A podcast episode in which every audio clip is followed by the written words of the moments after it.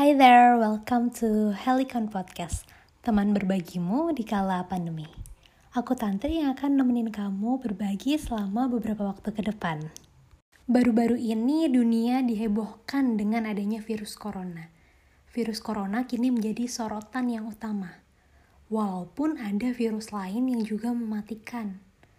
Apakah kalian tahu? Tindakan penguncian atau lockdown karena virus corona bisa menghambat upaya penanganan infeksi dari HIV, khususnya bagi anak-anak dan perempuan. Masalah ini menjadi masalah yang sangat serius.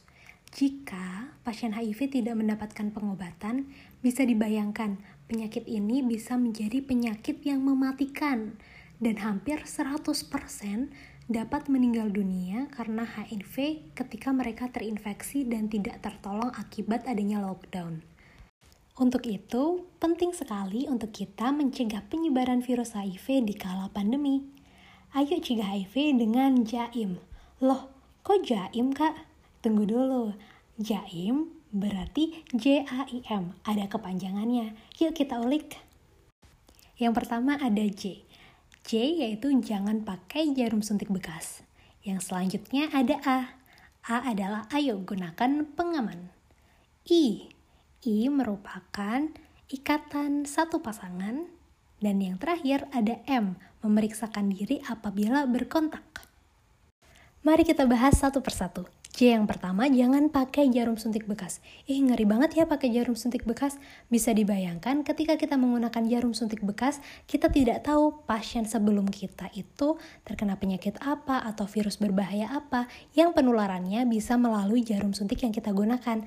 Maka dari itu harus pastikan tenaga kesehatan atau tenaga medis yang menggunakan jarum suntik yang akan diinjeksikan ke tubuh kita itu menggunakan jarum suntik yang baru dan bersih.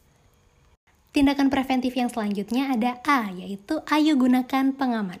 Pengaman di sini disesuaikan dengan kebutuhan dan kenyamanan kalian ya.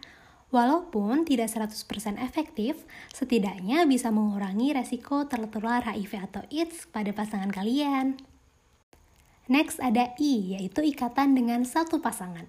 Maksudnya yaitu hindari gonta-ganti pasangan. Bayangin angsa aja setia, masa kita enggak ya kan? Pencegahan paling baik dari HIV AIDS adalah dengan menghindari hubungan seksual lebih dari satu pasangan. Jadi, harus setia ya teman-teman. Dan yang terakhir ada memeriksakan diri. Nah, apabila kalian berkontak dengan penderita HIV atau AIDS, baik itu berkontak seksual maupun non-seksual, non-seksual di sini maksudnya dengan jarum suntik dan sebagainya yang bisa menularkan virus, kalian wajib untuk memeriksakan diri. Langkah ini juga kita tempuh untuk tindakan preventif. Jadi kalian juga bisa mencegah sebelum terjadi hal-hal yang tidak diinginkan atau bahkan lebih parah. Dengan mengetahui langkah-langkah pencegahan, Menggunakan metode JAIM, kita diharapkan untuk lebih cerdas dan lebih bijak dalam menyikapi HIV atau AIDS di kala pandemi. Oke, okay? remember to keep healthy and keep safe. See ya!